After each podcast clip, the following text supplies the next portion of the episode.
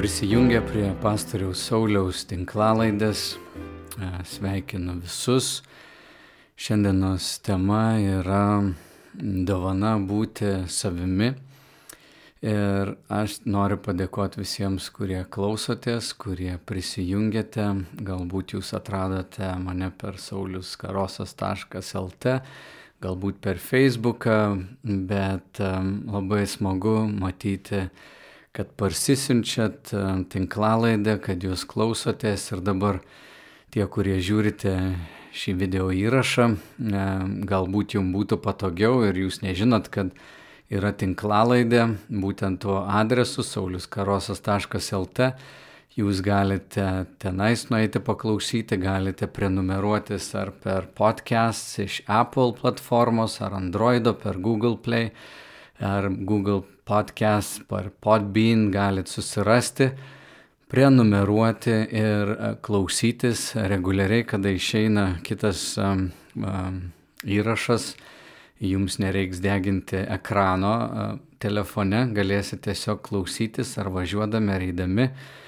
Mano noras atverti tokią tarsi savo mm, ir širdį savo atverti, ir savo kaip tokius ir namus, nors čia įrašinėjau iš savo ofiso, mūsų bendruomenės namuose.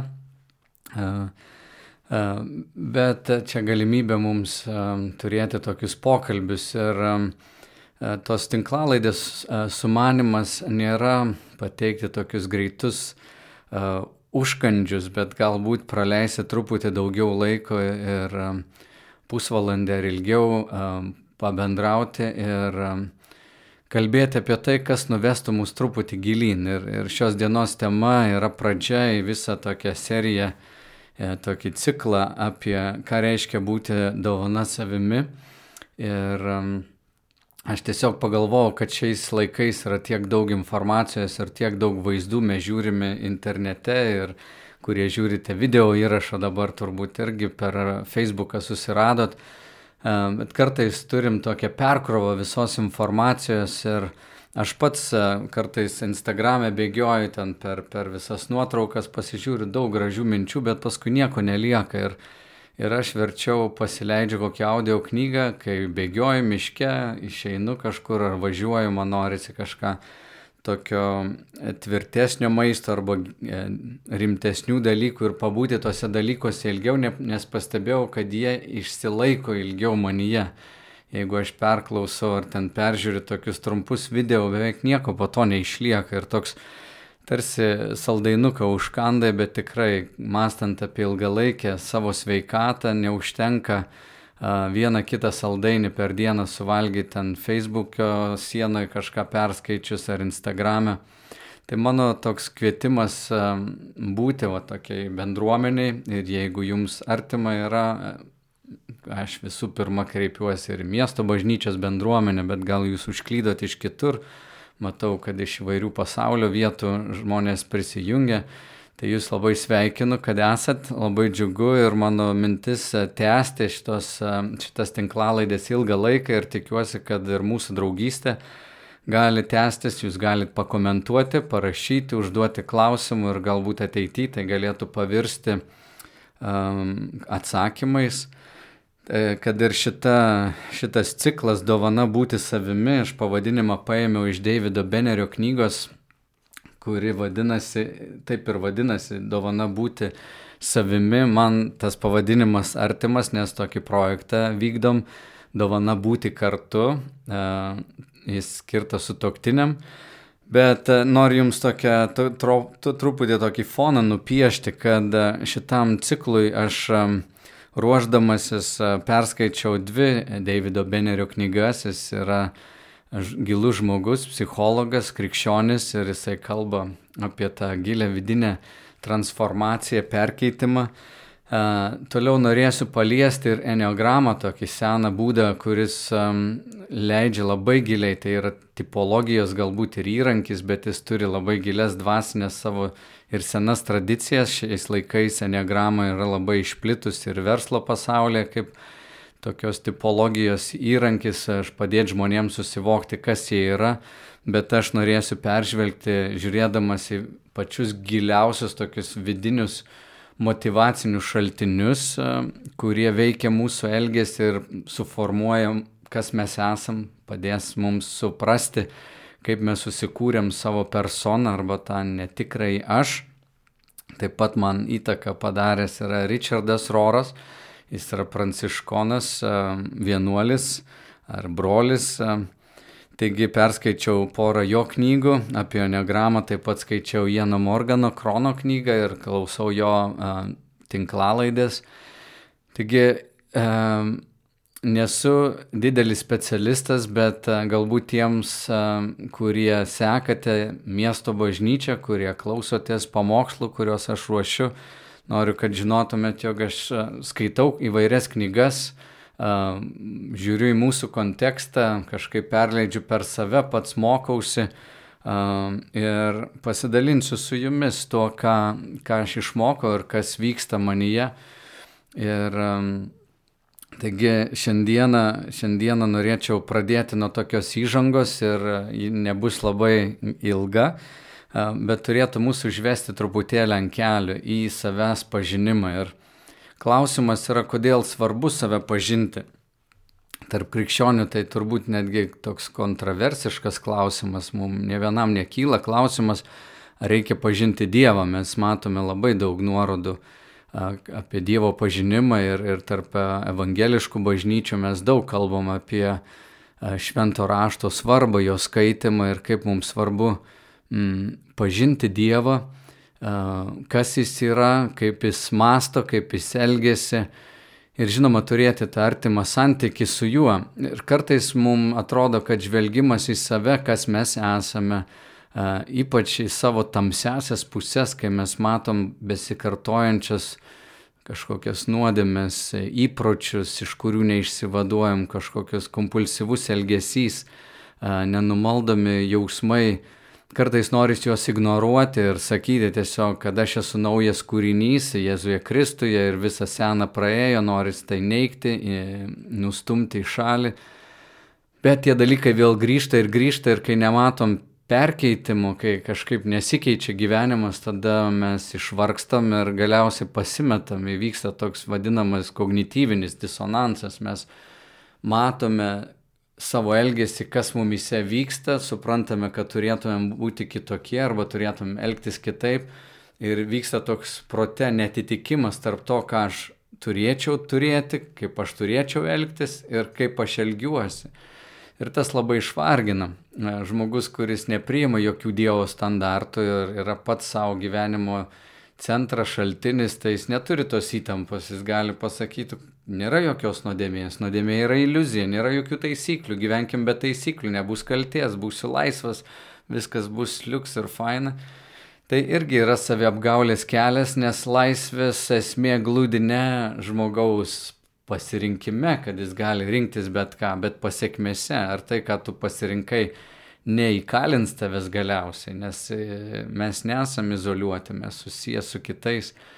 Todėl tikroji laisvė yra randama tik Dieve ir tik atitinkant Dievo e, nustatytus tam tikrus standartus.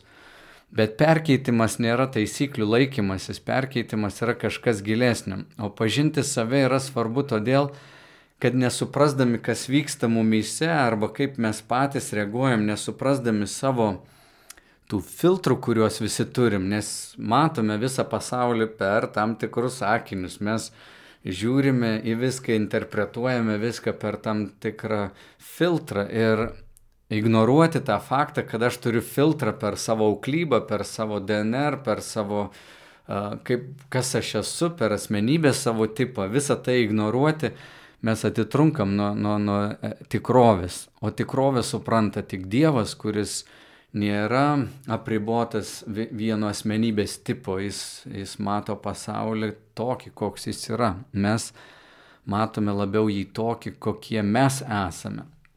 Taigi, savęs pažinimas neprieštarauja Dievo pažinimui, iš tiesų noriu Jums netgi pacituoti, tarkim, Džonas Kalvinas, e, didysis reformatorius bažnyčios, sako, negali būti gilaus Dievo pažinimo be gilaus savęs pažinimo ir negali būti gilaus savęs pažinimo be Dievo pažinimo. Taigi šitie dalykai yra vienas su kitu susiję. Tomas Kempietis, kuris parašęs tokią fantastinę knygą ir ją galim lietuvių kalba rasti, man atrodo, Imitation of Christ angliškai aš dažniausiai skaitau, bet lietuviškai būtų tarp tarsi Kristaus mėgdžiojimas arba a, Kristaus a, o imitavimas arba gyvenimas taip, kaip Kristus gyvena. Jis yra pasakęs, kad nuolankus savęs pažinimas yra tikresnis kelias į Dievo pažinimą negu gilų žinių ieškojimą. Yra skirtumas tarp žinojimo kažko apie Dievą ir Dievo pažinimo. Nežinojimas apie Dievą nebūtinai perkeičia žmogų, nebūtinai perkeičia jo elgesį. Gal todėl skaudžiausia yra matyti, kad mūsų broliai ar sesės, kurie tarnauja Dievui ir, ir pamokslauja Dievo žodį, kai kurie yra labai žinomi, išgarsėja ir paskui jie nupuola, nu, su, suklysta, įkrenta į kažkokios tokį gilų moralinį nuosmukį, nuvilia daug žmonių, papiktina daug žmonių, visus šokiruoja, sakome, jisai skelbia mums Dievo žinias ir atrodo, kad jis pažįsta Dievą ir jis net, ta jo persona atrodo, kad jis toks gan atviras buvo, jis kalba apie Dievą, bet kai krenta, tu supranti, kad galbūt jis Dievo ir nepažino, arba nebuvo perkeistas, arba vėlgi gyveno tame kognityviniam disonanse, kad jis irgi susikūrė personą. Aš kaip pastorius labai gerai galiu su tuo tapatintis, e, kai pamokslauji žmonėms, tiesiog mokai kitus žmonės, e, tu, na, tu, tu, tu visada esi viešas, tu esi matomas ir labai lengva irgi turėti tam tikrą kaukę, nes protas visada galvoja, kas manęs klauso, kas mane žiūri, net irgi dabar. Aš vis tiek kažkiek turiu tokios savistabos ir turiu truputėlį save taip, nu, per, tikrinti tarsi, nes kai būnu su žmona, kuri mane myli, aš esu atsipalaidavęs, kai būnu su vaikais, jie mato mane visokį, išeini truputį viešumą, tu turi tą, tą tokį na, aš neapsimetinėjau, bet vis tiek tu, tu supranti, kad kalbi daugeliu žmonių ir turi toks atsargesnis būti truputėlį. Nors aš labai nu, siekiu neveidmainiauti, ne, ne, ne, neperteikti kitos personos, bet visgi, netgi mums nesuvokiant, yra įvairūs vidiniai tokie mechanizmai, kurie nu, mums per tą savistabą tokia nori perteikti save truputį geresniu parodyti. Bet e, ką noriu pasakyti, kad žinojimas apie Dievą nėra tapatu Dievo pažinimui. Pažinti Dievą reiškia būti labai arti jo ir būti paties Dievo perkeistų.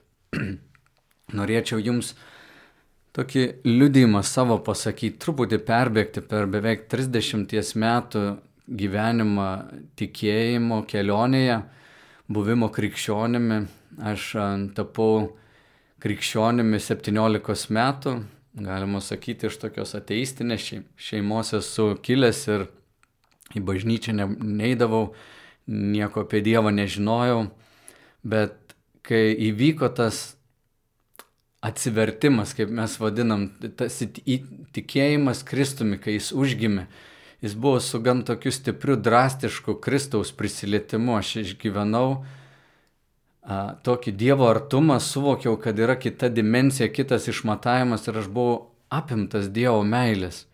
Ir tie pirmieji metai gal būtų galima juos pavadinti tokiu medaus mėnesiu, net, gal net pusmetis toks buvo ypatingai, ypatingai svarbus ir, ir daug tokių išgyvenimų, tokių malonių, tokių pasiskonėjimų, kurias aš turėjau, leido man suprasti, kad aš esu be galo mylimas. Uh, Paskui įvyko tokia antroji stadija, ką ir bažnyčios tėvai paminė ir Teresė Vilietė rašo apie tokią antrą stadiją, kai yra išbandomas žmogaus lojalumas. Ir tai buvo tokia bauginanti stadija, kada mano paties nuodėmės, tie seni įpročiai kažkaip vėl sugrįžo ir buvo išbandytas mano lojalumas, ar aš seksiu Kristumi. Aš pamenu, jeigu pradžiai turėjau tokią didelę audio biblioteką ir daug įrašų, aš tuos visus įrašus paverčiau pamokslais ir supratau, kad negaliu klausyti toliau nei Bitlų, nei Led Zeppelin, nei Deep Purple, ten tokių grupių, kurios giliai kažkaip mane veikia ir mano ego labai sukeldavo ir aš norėjau būti toks išskirtinis ir buvau ilgus plaukus užsiauginęs net e, kaip paauglys toks. E, dar tais tarybiniais laikais norėjau būti hipis, norėjau būti toks, e, kaip čia, jo, labai išskirtinis. Tai pajutau, kaip tie dalykai mane traukia ir, ir aš visko to atsisakiau, kad atraščiau naują gyvenimą, bet po to vėl tie dalykai grįžo ir aš supratau, kad seno dar tebėra manyje. Ir tai buvo labai nepatogu, bet per laiką išsivystė vat, savęs toks pamaitinimo būdas, tai yra vadinama mokinystė, aš nusprendžiau lankyti pamaldas kiekvieną sekmadienį, skaityti šventą raštą, žodžiu, išsivystė tie, tie tokie įpročiai krikščioniški ir jie fantastiniai, būti bendrystėje e, su broliais ir sesėmis ir, žodžiu, atėjo daug tokio stabilumo. Aš tada, pamenu, pradėjau universitete studijuoti, paskui seminarijoje. Ir prisipažinsiu jums, seminarijoje būdamas, aš um, Amerikoje mokiausi. Tai per vienus metus aš baigiau dviejų metų kursą ir aš tiek daug knygų perskaičiau, graikų, hebrajų kalbą studijavau. Mano galva buvo tiek pripildyta m, tokio žinojimo apie Dievą, bet mano maldos gyvenimas buvo labai toks sumenkęs. Ir aš tiek prisipildžiau to, tų, tų žinių, bet nesijaučiau, kad Dievą pažįstu. Ir paskui prasidėjus mano pastoriaus tarnystė, kuri vertė nuolat ruoštis, atsimenu, pirmieji metai apskritai buvo intensyvūs ir paskaitas dė, tokias vesdavau, dėstydavau, žodžiu, kokius aštuonis kartus per savaitę reikėdavo viešai kalbėti. Ir, ir aš nuolat ruoždavausi ir atrodo daug labai atiduodavau kitiem, bet savęs net nepamaitindavau. O prieš galbūt 7-8 metus, kai sutikau Pytas Kesero, kuris yra parašęs knygą Emociškai brandus dvasingumas, Čikagoje aš jį sutikau, turėjom tokią ir pokalbį, ir turėjom, ir, ir aš tokią mokymę buvau, kurį jisai vedė. Aš supratau, kad turi kažkas įvykti ir, ir, ir va čia prasidėjo tokia kelionė gilin. Aš negaliu nubraukti tų metų, kurie buvo anksčiau ir sakyti, kad aš nepažinau Dievo. Ne, visa tai buvo reikalinga ir būtina, bet paskui prasidėjo dar gražesnis, toks gilesnis ėjimas vidun į Dievo pažinimą, kur žinojimas pradėjo keistis į pažinimą per buvimą su Dievu. Ir vad Pytos Kecero įtaka man buvo labai reikšminga, aš ir tokį pamokslų ciklą atsimenu, irgi pamokslavau, vadinosi Tikrasis aš, jį turbūt galima rasti mūsų miesto bažnyčios e, tinklalapyje ar YouTube e, kanale, jūs galite jį peržiūrėti. Bet e, Pytas su savo istorija kažkaip paskatino mane judėti taip gilyn.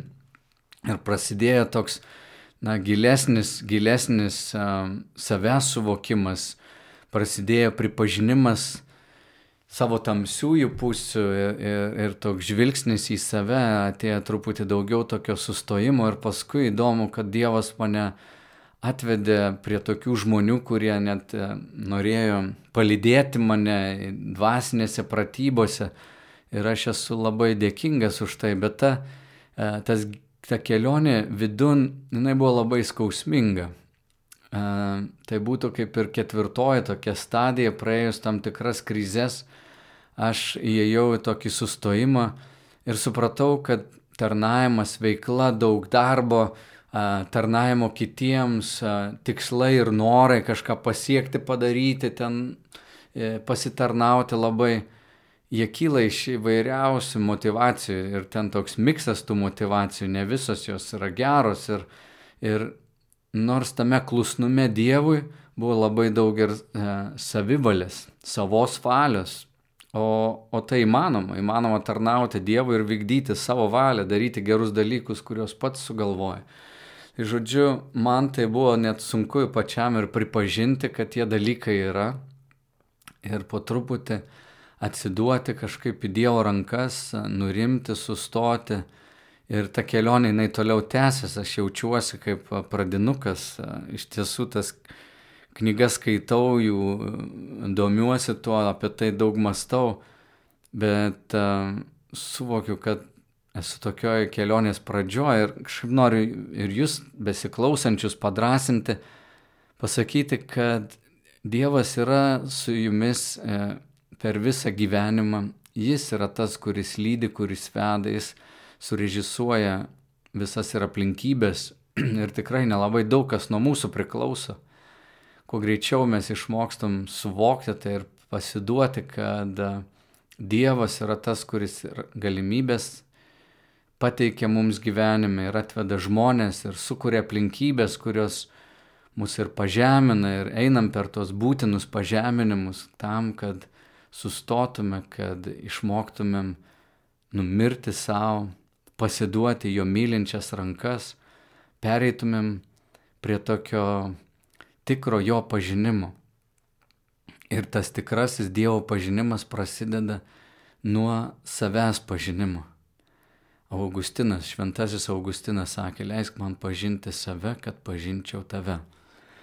Ir kertinė mintis turbūt, kurią, kurią noriu perteikti šito įžango ir, ta, ir savo to liūdėjimu tokiu dalindamasis, noriu pasakyti, kad didžiausia transformacija, perkeitimas, radikalus perkeitimas, ne savęs toks truputį patobulinimas, ne makiažo uždažymas ant, žinai, ar ten raukšlių patempimą, kad nesimatytų, kiek tau metų ir panašiai, ne, ne apie tokį trumpalaikį tokį kažkokį patobulinimas kalbam, ne apie savipagalbą, bet čia kalbu apie gilę vidinę transformaciją, kuri vyksta štai kaip. Kai žmogus pradeda matyti save taip, kaip Dievas jį mato. Man tokia gili mintis ir, ir ją daugelis dvasinių lyderių cituoja ir kalba ir supranta, nes tai yra būtent tai, kas mus iš esmės labai giliai perkeičia, kai mes pradedam matyti save taip, kaip Dievas mus mato. Nes mes matom save vėlgi per savo filtrą, mes uh, matome save netgi slėpdamiesi nuo savęs, ne, ne, ne į viską mums drąsu pažvelgti ir ne viską mes savyje galim priimti. Ir todėl neigdami tai mes neinam į transformaciją, mes einam tiesiog į neigimą. Bet pažvelgti į save, pažvelgti į savo tamsiasias dalis, nereiškia jas išaukštinti ar sakyti, o aš tai esu ne. Tai yra kelias į savo tikrąjo aš atradimą, kas mes esame sukurti Kristuje ir suvokimas, kad Dievas mumise yra sukūręs naują būti, naują žmogų, kurį mes turime atrasti. Nes savo tikrai aš mes nesukuriam, o atrandame, kas mes esame. Ir tame yra, tame yra didelė laisvė. Nes daug psichologinių tokių mechanizmų galime naudoti įrankių savęs tobulinimui. Galim naudoti ir įstatymą, kad e, sureguliuotumėm savo elgesį, padarytumėm jį e, labiau atitinkantį Dievą ir, ir, ir galvoti, kad mes, e, na, vykdydami Dievo įsakymą jam, jam patinkame. Bet galima iš tiesų būti klusniu Dievui ir visiškai nepasidavus Dievui. Yeah galima gyventi moralų, tokį teisingą, netgi pilną nuosavo teisumo gyvenimą, o būti maište prie, prieš Dievą. Galima gyventi tokį padorų, gražų, krikščionišką gyvenimą išoriškai ir iš tiesų giliai nemylėti Dievo, nesilgėti Jo. O ta gili vidinė transformacija yra kelionė į tokį savęs užmiršimą, mirti savo kur ir atgimsta naujasis aš arba aš jį atrandu, kuris yra perkeičiamas, atnaujinamas, tobulinamas Kristaus gale, jo meilės gale. Viena gražiausių istorijų šventame rašte yra e, sunaus palaidūno istorija. Jūs ją galite rasti Luko Evangelijos 15 skyriuje. Na, jinai yra iš tiesų galinga. Ir daug kas iš krikščionių mes visi ją žinome ir esam girdėję turbūt šimtus pamokslų apie tai. Bet čia yra tas elementas labai ryškiai toks um, nupieštas, kad um, sunus, kuris nebesulaukė tėvo mirties, tėvui sako, duok man palikimą, aš einu iš šitų namų. Visiškai nesupranta tėvo meilės, jos nepažįsta, kažkaip gyvena tokį savivališką gyvenimą, egocentrišką gyvenimą, jis pasiema visą, kas tėvo atrodo, savo dalį, pusę, pusę palikimo, kita pusė lieka tėvui, kitam sūnui, tai yra jo broliui. Jis viską išvaisto ir kai yra gyvenimo pažemintas, išvaistęs su paleistuvėmis visus pinigus per visus balius, viską, jis susivokė, kad jo bloga situacija, kai jis net nebeturi ką valgyti, net jam neduoda keulių maisto valgyti, jisai sako, eisiu pas tėvą. Ne dėl to, kad jis tėvas kažkaip suprato, pažino, bet sako, jo samdiniai geriau gyvena. Tai ar man čia mirti, gal einu geriau pas tėvą, būsiu samdiniu. Ir sunus visiškai nesupranta savo suniškumo arba ką reiškia būti sunumi ir kas yra tėvas ir kaip tėvas jį išvelgia.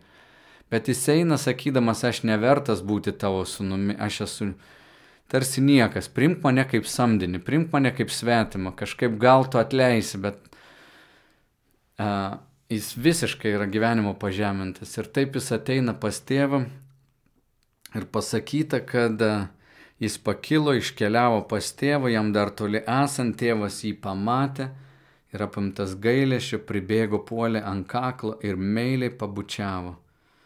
Ir tada sunus tarė, tėve, nusidėjau dangų ir tau, nebesu vertas vadinti savo, tavo sunumi. Bet tėvas įsakė tarnams, kuo greičiau atneškit geriausią drabužį ir apvilkit jį. Užmaukite jam ant piršto žiedą, apaukite kojas, atveskit nupenėtą veršį ir papjaukite, valgykim, linksminkimės. Nes šis mano sunus buvo miręs ir vėl atgyjo, buvo pražuvęs ir atsirado. Ir jie pradėjo linksmintis. Kaip retai mes suvokiam, kad Dievo meilė yra tokia ekstravagantiška, tokia neribojama, nesustabdoma. Kai sunus pradėjo matyti, ką tėvas daro, aš galvoju, kad jo galvoje pradėjo nusproginėti tenais suvokimai, kad tėvas visada, visada jį mylėjo. Tėvų jis buvo svarbiausias, nepalikimas. Jis buvo svarbiausias. Sūnus pats savo prote kažkaip atitolo nuo tėvo, matė jį kitaip, kažkokie filtrai jo galvoje leido jam nusisukti nuo to, kuris vienintelis šitoj žemėje turbūt jo gyvenime mylėjo jį. Nebuvo jokio kito žmogaus ir nuo didžiausios meilės jis pats nusisuko. Ir kai grįžo su tokiu jau sužeistu suvokimu pas tėvą, kad būsiu tiesiog tarnu, jis pamatė, kad tėvui jis yra brangiausias. Ir kai tėvas nieko nebegaili ir, ir, ir džiaugiasi ir linksminas iškelia didžiausią puotą, atrodo turėtų mūsų suvokimas sakyti, gerai, eik pabūk tarnu dabar du metus, pažiūrėsiu, jeigu tu persikeitė, jeigu esi kitoks, jeigu jau manęs nebeniekini, gal vieną dieną aš įtrauksiu tave vėl į sunų sąrašą, bet ne, čia net nėra abejonės, tėvas iš tolo pamatęs įbėga, apsikabina, bučiuoja, papjauna veršį, užmauna žiedą, tai reiškia gražina vėl jo statusą, suteikia vėl, štai tau kreditinė kortelė, mano sąskaita yra tavo sąskaita, mano namai yra tavo namai, tu esi mano, aš esu tavo, tai tokia gili, uh, vat, meilė, ekstravagantiška, neribota jos apimtas sunus, manau, buvo transformuotas, perkeistas ir krikščioniškas gyvenimas turi pasižymėti to paprastumu džiaugsmu, kad mes toj Dievo meilės upėje tiesiog plaukiam, nesidraskydami, ne kaip prieš srovę, ne, ne, nevargdami, bet tiesiog atsiduodami į jo geras rankas, atsiduodami jo meiliai. Ir kai mes pradedam save taip matyti, tai mus transformuoja. Tai, kas sena, pradeda numirti, malonė pagimdo meilę Dievui, pagimdo savęs prieimimą, pagimdo laisvę, tikrąją ramybę ir gyvenimas pavirsta tokiu um, jo, laisvė, tikra laisvė, būti savimi. Ir tai yra dovana. Kaip iki to nueiti, apie tai tikrai noriu ir daugiau pakalbėti. E, kitoj daly norėčiau dar giliau kalbėti apie Dievo meilę.